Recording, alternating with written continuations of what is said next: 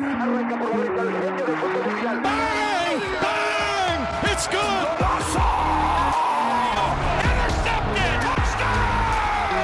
Mundo! Blocked by James! Sean bienvenidos a un nuevo episodio de La Voz de la Tribuna. Mi nombre es Aldo Aro, gracias por acompañarnos. Nos encontramos cerca del final del año calendario en los deportes y el fin de un ciclo, para ser precisos, en Tokio 2020. Ya hemos pasado por tres torneos de Grand Slam, la temporada de la NBA terminó y el fútbol en el mundo está cerca de iniciar un nuevo ciclo. Pero algo cambió, se abrieron nuevas puertas para debates en el mundo y también en el de los deportes, ¿por qué no? Seguramente ya saben a lo que nos referimos. Es el tema que ha estado en boca de todos, la salud mental en el deporte. Por ello es que me acompaña un gran invitado, un especialista en psicología deportiva, Alex Sevilla. Bienvenido, ¿cómo estás? Bien, bien, bien, muchas gracias, gracias este Aldo por la invitación y pues muy contento de poder platicar de un tema que eh, se ha vuelto pues casi casi un trending topic, ¿no? Actualmente con esto de, las Olimpiadas y el próximo Mundial de Fútbol y, y bueno, los torneos mundiales creo que es algo muy importante de lo que, de lo que podemos ir hablando y que la gente también debe, debe conocer porque este, pues para romper con algunos estereotipos, ¿no? Que te agradezco mucho y pues adelante, vamos a darle a la entrevista. Estás en tu casa, Alex. Antes de iniciar me gustaría saber, ¿eres aficionado a algún equipo o algún deporte en especial? Bueno, me gustan todos los deportes. A partir de que me dediqué a la psicología del deporte, me empezaron a gustar todos los deportes porque, bueno, la visión ya es distinta, ¿no? Eh, anteriormente, eh, lo que yo practicaba cuando era niño, pues era el básquetbol. Papá fue maratonista durante muchos años en el Maratón de la Ciudad de México. Y bueno, mi papá fue, fue una persona muy dedicada al deporte, mi abuelo también al fútbol, digamos que al fútbol amateur, pero también cada ocho días estaba en sus juegos.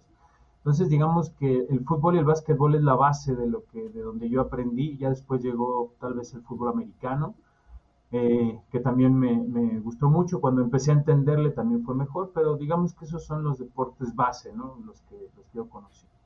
Perfecto. Y sí es complicado lo del fútbol americano, el entenderlo y el practicarlo sobre todo.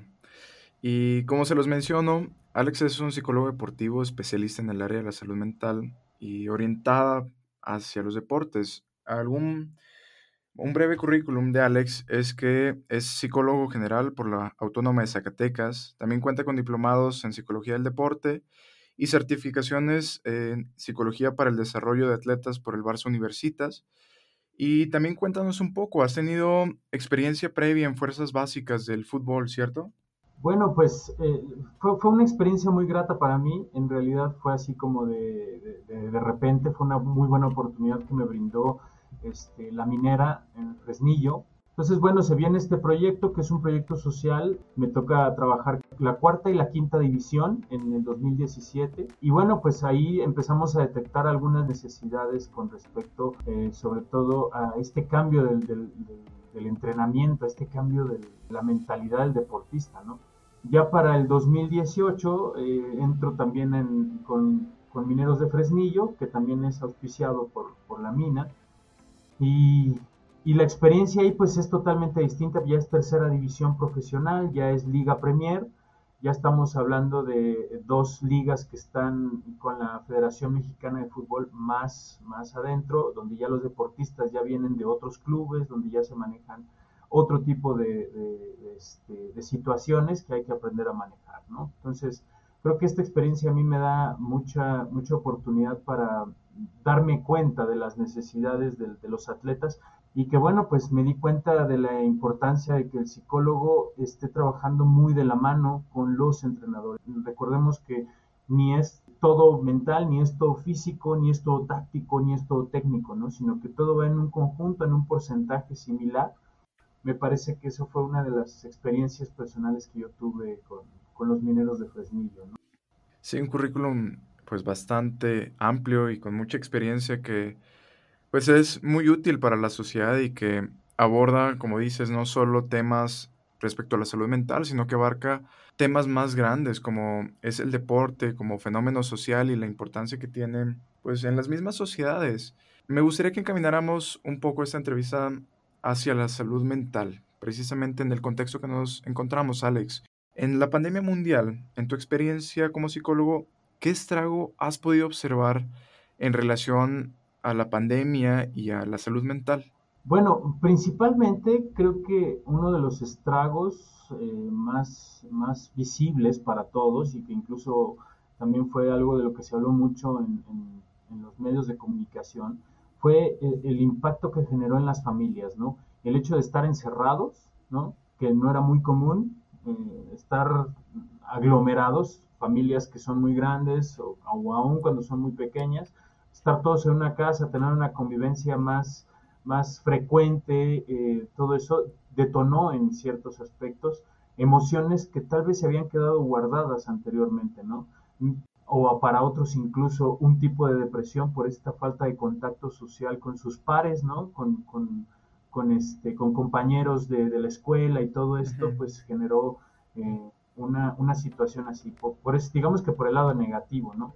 En, en, por otro lado negativo, una dependencia mayor todavía a las redes sociales, a los aparatos electrónicos, a, a, a todo esto, que, que, también hace que nos apartemos, ¿no? que generemos una aparente relación social, pero totalmente virtual, y que también eso, eso afecta. Precisamente tengo una, una pregunta sobre eso. Hace tiempo el hablar de salud mental, el hablar de una depresión, de una ansiedad, pues no era muy bien visto. Incluso el pedir ayuda psicológica uh -huh. no era tan común.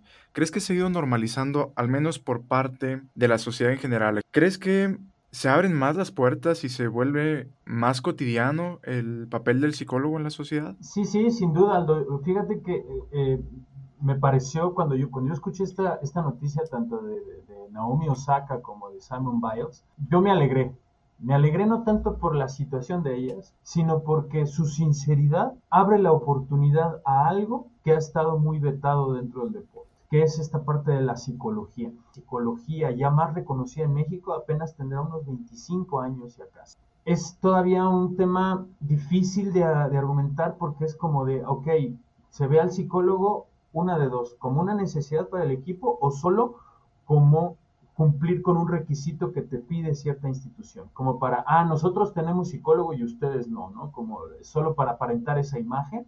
Yo creo que ha habido avances muy significativos en el deporte, pero te digo, sigue siendo un tema tabú porque se sigue dejando de lado, ¿no? Este, el psicólogo, pues, hay cuando se pueda las atenciones con los atletas, cuando se, se necesita esto, cuando esté mal el deportista, entonces sí lo mando al psicólogo, ¿no? No hay esta cultura de la prevención, no hay, no hay esta cultura de, que también nosotros como, como psicólogos del deporte somos entrenadores. ¿Entrenadores en qué aspecto? En el entrenamiento mental. Y no solo en el entrenamiento mental hacia el atleta o hacia el deportista, sino también hacia los entrenadores, porque somos un equipo holístico, que todos somos importantes para el entrenamiento del atleta. Me gustaría que comentáramos a escala mayor con atletas de alto rendimiento, con atletas que son superestrellas en todo el mundo, con millones de fans en redes sociales y que también cargan con un peso extra, que son los patrocinadores y que prácticamente están obligados a ganar. Alex, ¿en qué momento crees que las ganas de ganar se vuelven insoportables? Precisamente hablando del caso de Naomi Osaka, Simone Biles, Michael Phelps o el mismo Kevin Love. Todos ellos comparten una característica han sido campeones en su disciplina, o en el caso de Phelps, siendo el máximo ganador de medallas en la historia de los Juegos Olímpicos. ¿En qué momento la presión de ganar se vuelve insoportable? ¿Por qué aspectos y cómo lidiar con ella? Es esa parte de la expectativa que te, que te platicaba, es lo que genera una presión, ¿no? Y, da mucho a entender sobre lo que es eh, la expectativa que tiene la sociedad de donde proviene el, el, atleta. Hablemos del caso de México. ¿Qué sucede? Que de repente vemos cuartos lugares, que de repente vemos medallas de bronce, cuando la expectativa tal vez era que en clavados las chicas tuvieran medalla de oro o al menos de plata. Eh, que si los que estaban más prometedores llegaron a quedar en cuartos de final o en, entre los 18 finalistas hacia una competencia, que, que en este tema específicamente de la expectativa es, ¿cómo es posible que haya ganado un cuarto lugar? Y yo les diría, todo el proceso de estar cada día una y otra vez trabajando la psicología, trabajando la parte física, la parte técnica y táctica, terminan a veces los, los atletas terminan agobiados, cansados. O sea, esa, esa parte del esfuerzo es lo que no ven. Digamos que eh, yo me, no, ven, ven el iceberg, pero no ven todo lo que hay abajo de ese iceberg, ¿no? Lo que hace que el iceberg flote en el mar. El atleta, eh, como tal, todo lo que ha, ha, tenido que padecer, y aquí en México, que, que tristemente sucede así, los atletas en, el apoyo económico lo tienen muy restringido, ¿no? También tienen que buscarse patrocinadores, padrinos, todo eso, para que les ayuden a llegar a los, a las Olimpiadas. Entonces también es, no solo es el entrenamiento físico o el entrenamiento mental, sino también el, el tener que ir a tocar puertas para poder conseguir los recursos necesarios porque su país no se los da. Y que todo eso implica una, una carga mental enorme, ¿no? Enorme. Ok, Alex, entonces, el dejar de ganar, el quizá fracasar, entre comillas, porque el fracaso y el éxito se miden de formas subjetivas. Para una persona puede ser un éxito llegar a una semifinal de Grand Slam, a cuartos de final, mientras que para otra persona y por parte de la prensa puede ser un completo fracaso. ¿Esto qué implicaciones tiene para los deportistas que han sido robotizados, como lo mencionas el caso de Naomi Osaka? Imagínate, Michael Phelps, que también es, es, otro caso de, de, depresión severa y que él todavía la está viviendo. Este, uno, uno puede pensar, ¿cómo es posible que alguien que tiene más de 20 medallas en su haber pueda tener depresión, pueda sentirse triste? No me lo figuro así. ¿Sabes por qué? Porque relacionamos éxito con felicidad. Éxito con, este, con una persona totalmente estable en todas las circunstancias. Y no, el éxito, y como bien lo decías en la pregunta y que me pareció muy puntual, muy bueno, el éxito es subjetivo. El éxito tiene que ver con las expectativas personales y lo que uno quiere con esas expectativas. Si, si, no tenemos bien arraigado eso y empezamos a tratar de cumplir lo que la demás gente quiere o los estereotipos de los demás, terminamos frustrados. Y la frustración, cuando no se resuelve, termina en depresión o en ansiedad. Ahora, ¿cómo trabajarlo? Y esto es para todos, ya, no, ya no solo los atletas a, a, nivel deportivo o a nivel de competencia, sino para todas las personas. Hay dos cosas que incluso son dos palabras que están poniendo muy de moda, que es esto de la resiliencia y la asertividad. Es decir, la resiliencia es lo que nos permite adaptarnos a todas las circunstancias que suceden en nuestra vida. No podemos evitar que lo que está fuera de nosotros suceda, pero sí podemos decidir qué, cómo pensar y qué hacer con respecto a lo que sucede afuera. ¿sí? Y la asertividad tiene que ver con cómo actúo, qué hago y qué digo para que las cosas salgan más a mi favor. El riesgo de que haya un colapso mental es grande en un deportista de alto rendimiento, en un atleta de olímpico, sí. Pero si yo utilizo la psicología durante toda su preparación, durante cuatro años de preparación, también va al psicólogo y también está trabajando eso, reduce significativamente un colapso mental durante la competencia. Yo no sé si Simon Biles, si Naomi Osaka, si Michael Phelps tuvieron un acompañamiento psicológico durante su entrenamiento para prevenir este tipo de cosas y reducir el riesgo de un colapso mental al momento de la competencia.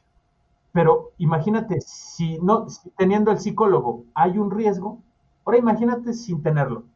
Es mucho mayor el riesgo, ¿no? Me gustaría también hablar un poco sobre la desacreditación de la prensa, porque cuando sucede el caso de Naomi Osaka, que renuncia primero a Roland Garros y después a Wimbledon, la prensa se la come viva, que como una persona que ha sido campeona no tiene el temple, porque se habla muchas veces el temple de campeón, la piel de campeón, las ganas de salir adelante y de ganar uno tras otro, tras otro. Eso es lo primero que pasa, se la comen viva. Después pasa el caso de los Olímpicos, que ahí es cuando se empieza a girar un poco la prensa y dice, ok, creo que sí es un poco importante. Pero dentro del mismo deporte y dentro de las mismas organizaciones, también hay cierta desacreditación a estas eh, complicaciones en la salud mental. Y por la misma parte de los deportistas. El mismo Novak Djokovic dice que para él la presión pues es un beneficio, es un privilegio que lo deben de sentir los deportistas, que es una parte importante en el deporte.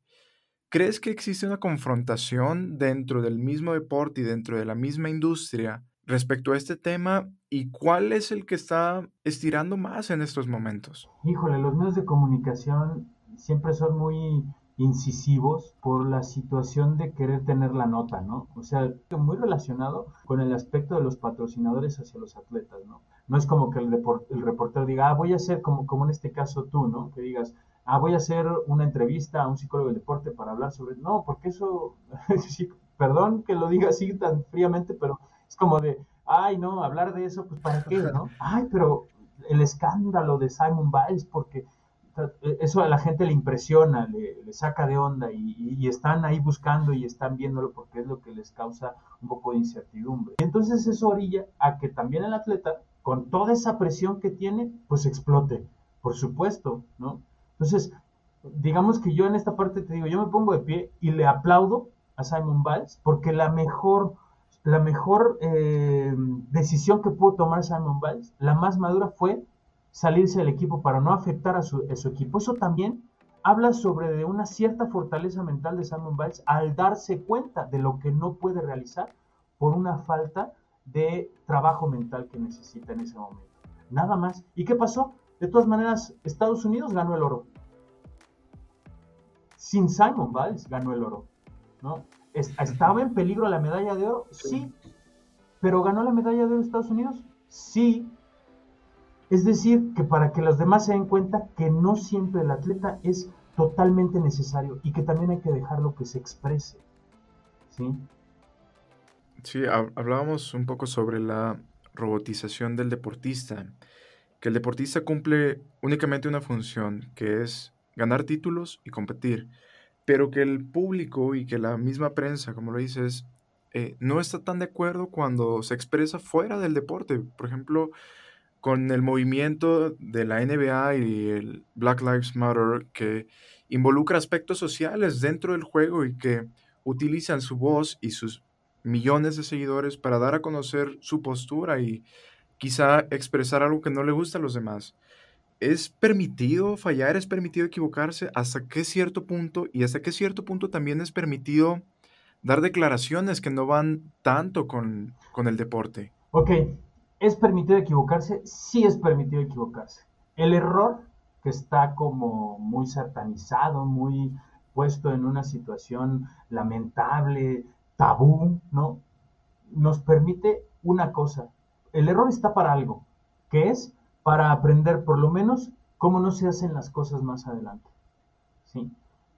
Mucha gente cree que porque el entrenamiento que porque ellos tienen un cierto entrenamiento, ya no se pueden equivocar. Y no, es, el mismo papel que te decía de la psicología. En realidad el entrenamiento lo que hace es reducir el riesgo a que el atleta se equivoque en, el, en, el, en, el, en la disciplina, al momento de la competencia. Pero eso no evita que el, deporte, que que el atleta pueda equivocarse.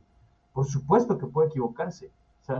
ahora, también hay que ver el error como de, ok, si el atleta deliberadamente no ha cumplido con ciertos roles del entrenamiento se ha dedicado a otras cuestiones que no han sido dedicarse al entrenamiento como tal para obtener un resultado que él quiere y comete el error, entonces sí, el atleta tiene que asumir la responsabilidad de esa situación. O sea, no voy a, tampoco voy a, a poner al atleta en una situación de, ay, bueno, pues este, mm, no pasa nada, tú tienes la razón y te vamos a entender todo. No, no, no es como si, como si yo te dijera, no, ¿sabes qué, Aldo? Yo quiero ser eh, maratonista de, 42 kilómetros de la Ciudad de México y estoy muy motivado porque quisiera ganarme mi medalla como lo hizo mi papá. Y, tú me preguntas, ¿y cada cuándo entrenas en la semana para ir a... No, pues a veces me voy a caminar y luego salgo a correr los miércoles y luego ya otra semana descanso. Pues así como quieres ganar un maratón de 42 kilómetros y aún así te vas a concursar, pues evidentemente van a, o sea, el riesgo es muy alto de que te equivoques, el riesgo es muy alto de que termines perdiendo e incluso de que salgas hasta lesionado, ¿sí? Entonces, esa parte de la responsabilidad del atleta también tiene que ver con eso, ¿no? Con esa parte de también no endiosarlos, no, no ponerlos como en un pedestal, como... Yo creo que en esta parte en la que Simon Biles como olímpica da un ejemplo, es algo que deberíamos de atender todos, ¿no? Para evitar estas, estas situaciones de, endiosarlos o de ponerlos en una, en una cuestión totalmente inalcanzable, cuando en realidad son personas, son seres humanos como, como cualquier otro, otro ser humano que respira y, que va al baño y que come, ¿no? Yo creo que es, es importante esta cuestión de la preparación.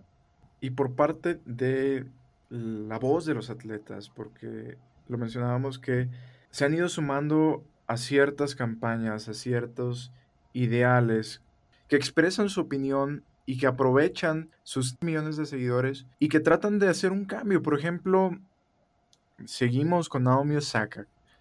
Sus millones de seguidores los utiliza para quizá concientizar un poco sobre la salud mental. O por ejemplo, LeBron James con el movimiento racial en Estados Unidos, quejarse y mostrar que no están conformes con esa situación. ¿Qué papel juegan los deportistas en esto? ¿Es un papel nuevo, un papel que se viene eh, suscitando con anterioridad? ¿O cuál es tu opinión respecto a esto? Bueno, fíjate que sí es, sí es importante en la medida en la que ellos quieran hacerlo. Volvemos otra vez a la parte de la decisión del deportista, ¿no? No voy a hablar sobre obligación o sobre el debería ser, porque también ese es un problema mental que, que atañe a los atletas, ¿no? Si el atleta se siente comprometido con el movimiento social para hablar en sus redes sociales, que lo haga, por supuesto, porque eso va a generar un impacto tremendo, ¿sí?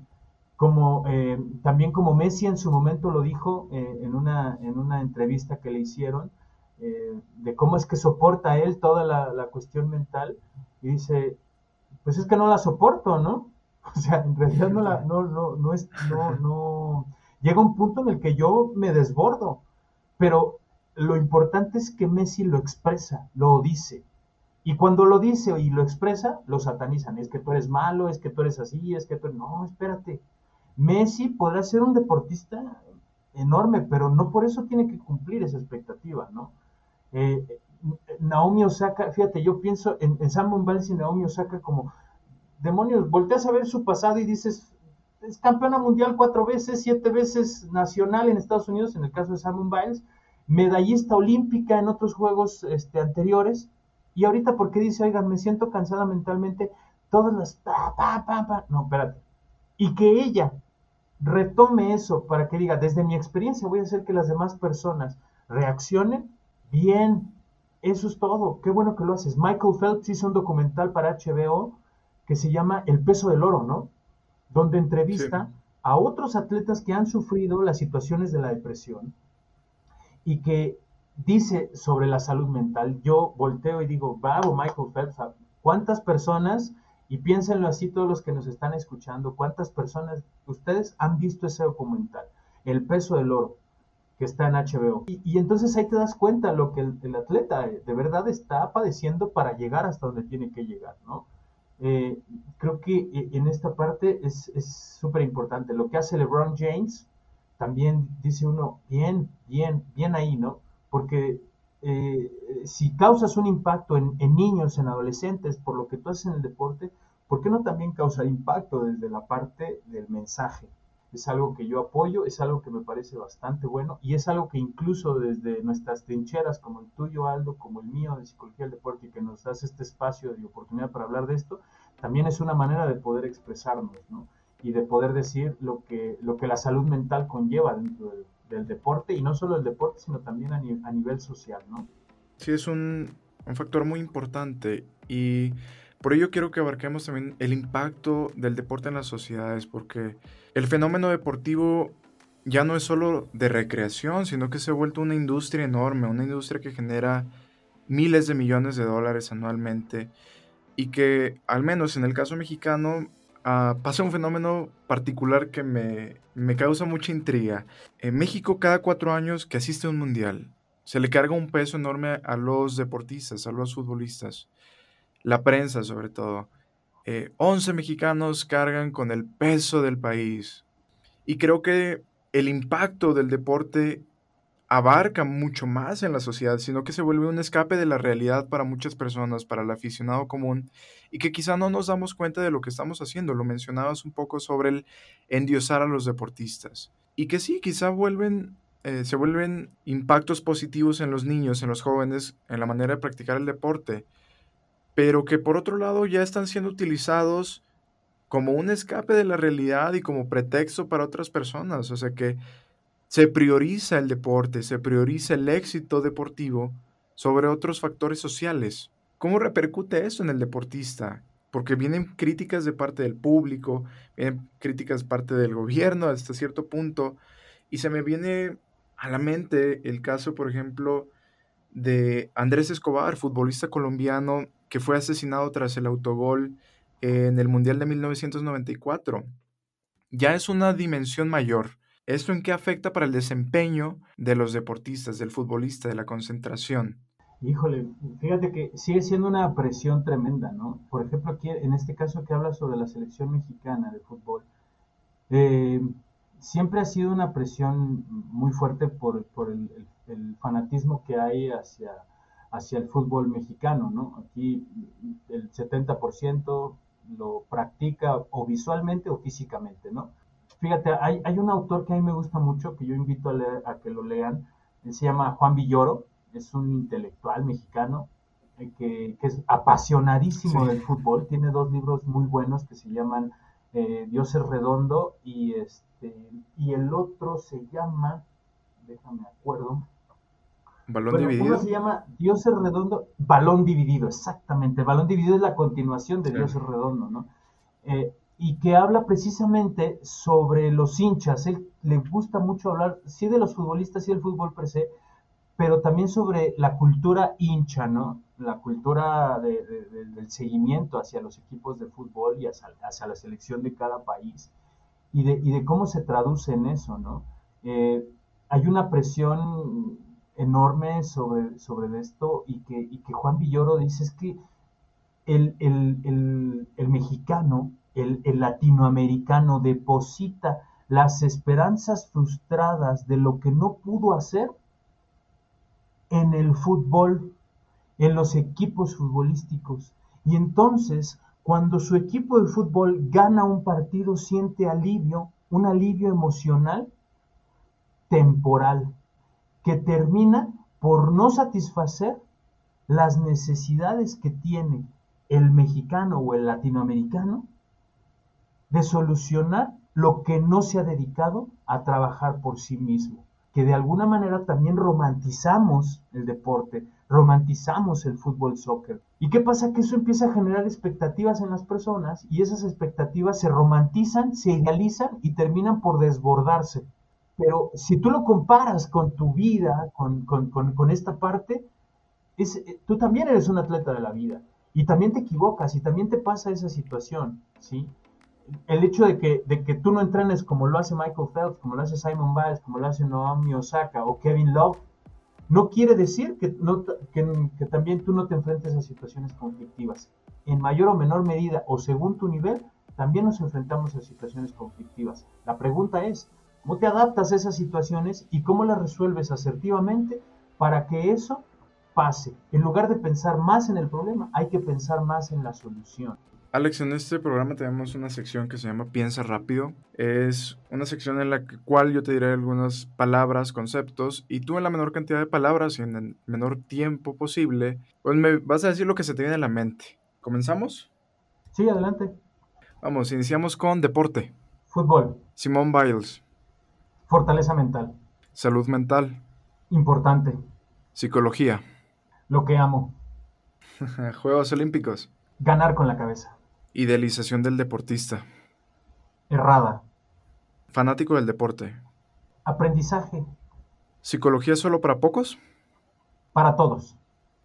Perfecto, buenas respuestas Alex. Y precisamente con la última pregunta, es que me gustaría que termináramos sobre la psicología para pocos, sino que hacer una invitación al público en general y hacer mención que es una creencia falsa, que la psicología es solo para pocos o para locos o para personas que ya traen una carga emocional. Mencionabas la cultura de la prevención y que antes que trabajadores, estudiantes, deportistas, esposos, hermanos, somos humanos y que a raíz de ello tenemos necesidades tanto físicas y emocionales y debe haber un balance físico con lo mental.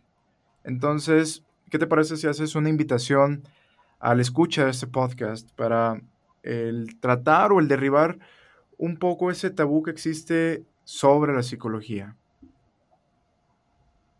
Claro, con mucho gusto. Fíjate que eh, creo que eh, la psicología no, fíjate, te, voy a, romper un poco el estereotipo. La psicología sí es para locos, pero para los locos que lo locos que estamos para poder vivir bien y felices. Y la felicidad representa que con las emociones que yo viva y las situaciones que viva en mi, en mi vida, ¿cómo poder adaptarme? ¿Cómo poder hacerlo de manera asertiva y que en algún momento me va a suceder que esté triste, que esté enojado, que esté alegre, que esté eufórico, que esté lleno de ira, pero también cómo saber manejarlo en el momento. Eso es la psicología.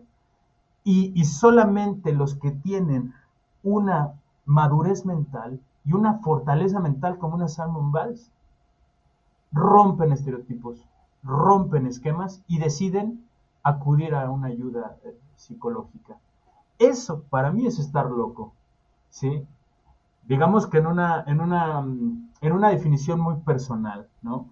porque obviamente si vamos a este, específicamente a hablar sobre lo que es la locura, pues ya tenemos que meternos en temas psiquiátricos y la verdad es que eso no va para este programa. Pero sí tienes que estar, sí tienes que pensar diferente o querer pensar diferente para poder tocar una puerta y decir necesito ayuda.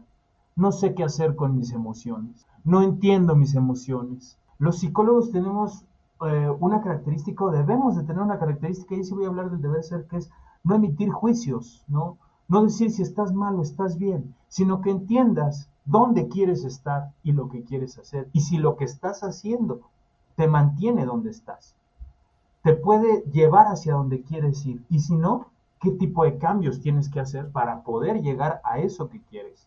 ¿sí? Eh, yo creo que esa, esa parte es, es, muy importante para eso. Y, quisiera mencionar de todos estos temas que hemos hablado sobre la salud mental y de los deportistas que también han estado en esta situación depresiva, yo quiero mencionar un caso de éxito que de verdad me parece maravilloso, mexicana, gimnasta, ¿no? Y que rompió todos los estereotipos. Esa, e, esa atleta para mí es una, es una atleta que está loca, ¿no? En el, en el sentido de la palabra que estamos buscando aquí, que se llama Alexa Moreno. Alexa Moreno, a pesar de, lo, de todas las críticas mediáticas que ha tenido, de las críticas sociales que ha tenido acerca de cómo es su cuerpo, ella está en las finales de gimnasia. ¿sí? De gimnasia olímpica. Ha ganado medallas. Ha, ido a mundiales olímpicos y ha ganado medallas. Y entonces ella rompió todo un estereotipo, no solo de, de las cuestiones mediáticas que se le presentaron, sino el estereotipo de una gimnasta a nivel mundial. Tú ves un atleta en alterofilia y el atleta de la alterofilia es sumamente grande, es muy grandote, ¿no? Y el hecho de que él tenga un cuerpo que no es que no es el estereotipo que tenga que cumplir, no quiere decir que él no sea un atleta. Sí, también entrenan ocho horas al día. Exactamente, también entrenan ocho horas al día y también tienen unos, unos entrenamientos extenuantes, ¿no? Ahora, Alexa Moreno es un ejemplo que ahí sí yo les invito a todos tus radioescuchas, a todos tus este, podcasteros, radioescuchas se oyó muy, este, muy de mi época, muy de mi edad, pero a todos los que están escuchando este podcast, que, que, de verdad les invito a que lo escuchen, eh, eh, que es esta parte de, ¿por qué no seguir el ejemplo de Alexa Moreno? De cómo adaptarnos a las situaciones que van a suceder porque hay gente que le encanta estar criticando, hay gente que busca la manera de cómo sacar provecho de mi situación personal. Y aún así me adapto a las circunstancias. Yo los invito a que más allá de que piensen que el psicólogo es solo para resolver problemas como si nosotros fuéramos mecánicos solamente, ¿no? O como si fuéramos este, alguien que arregla desperfectos, ¿no? Eh, no, también podemos ayudarte a prevenir, a crear un proyecto de vida, a crear un proyecto vocacional, ¿sí?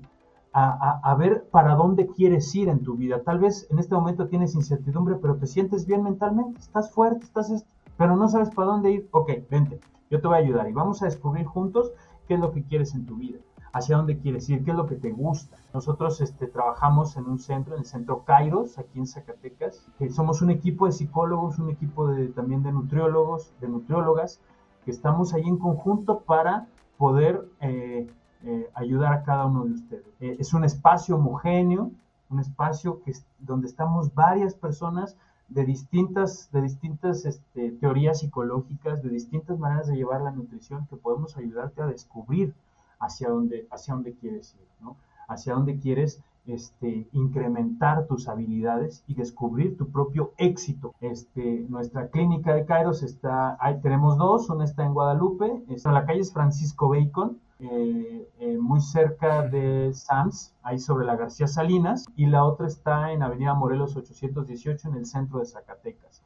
Eh, también nos pueden contactar por las redes sociales, ahí Kairos, así nos encuentran en Facebook y en Instagram, ahí nos pueden seguir. Y, este, y nada, pues creo que lo más importante es que reconocer que, a veces necesitamos una ayudita, un empujoncito para descubrir hacia dónde quiero ir y que no tiene nada de malo reconocer que me siento triste, que estoy enojado, que me siento de este modo, sino lo más importante y la gran, el primer paso para obtener una gran fortaleza mental es reconocer que a veces no puedo hacer las cosas, que a veces no tengo la posibilidad de llegar a lo que quiero llegar.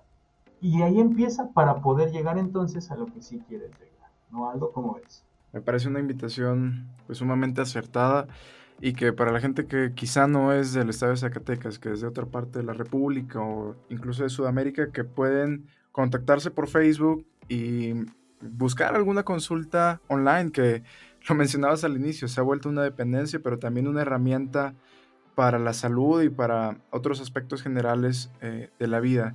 Alex, ¿cómo te encuentran en tus redes sociales por si tienen alguna inquietud, alguna pregunta o simplemente quieren acercarse por alguna consulta en específico contigo? Claro, eh, yo estoy en, Facebook y estoy como Alejandro Sevilla. En Instagram, en Instagram tiene un nombre un poco raro, ¿no?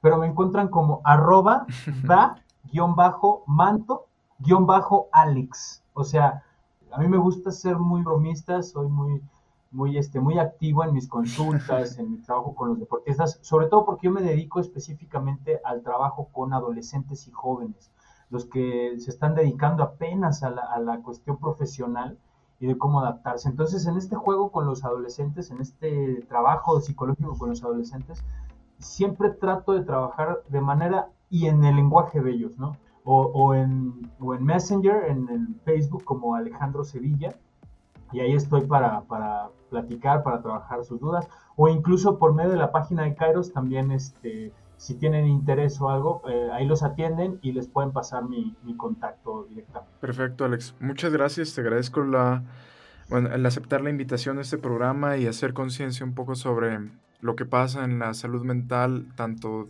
de los deportistas como del público en general y el contexto que se vive en la pandemia. Te agradezco una vez más y sabes que tienes las puertas abiertas para este podcast. A la gente que nos escucha, los invito a que escriban sobre alguna recomendación, sobre si quieren escuchar algún tema en particular o si les gustaría alguna segunda parte sobre salud mental. muchas gracias, Aldo. Perfectísimo. Muchas gracias. Gracias a todos.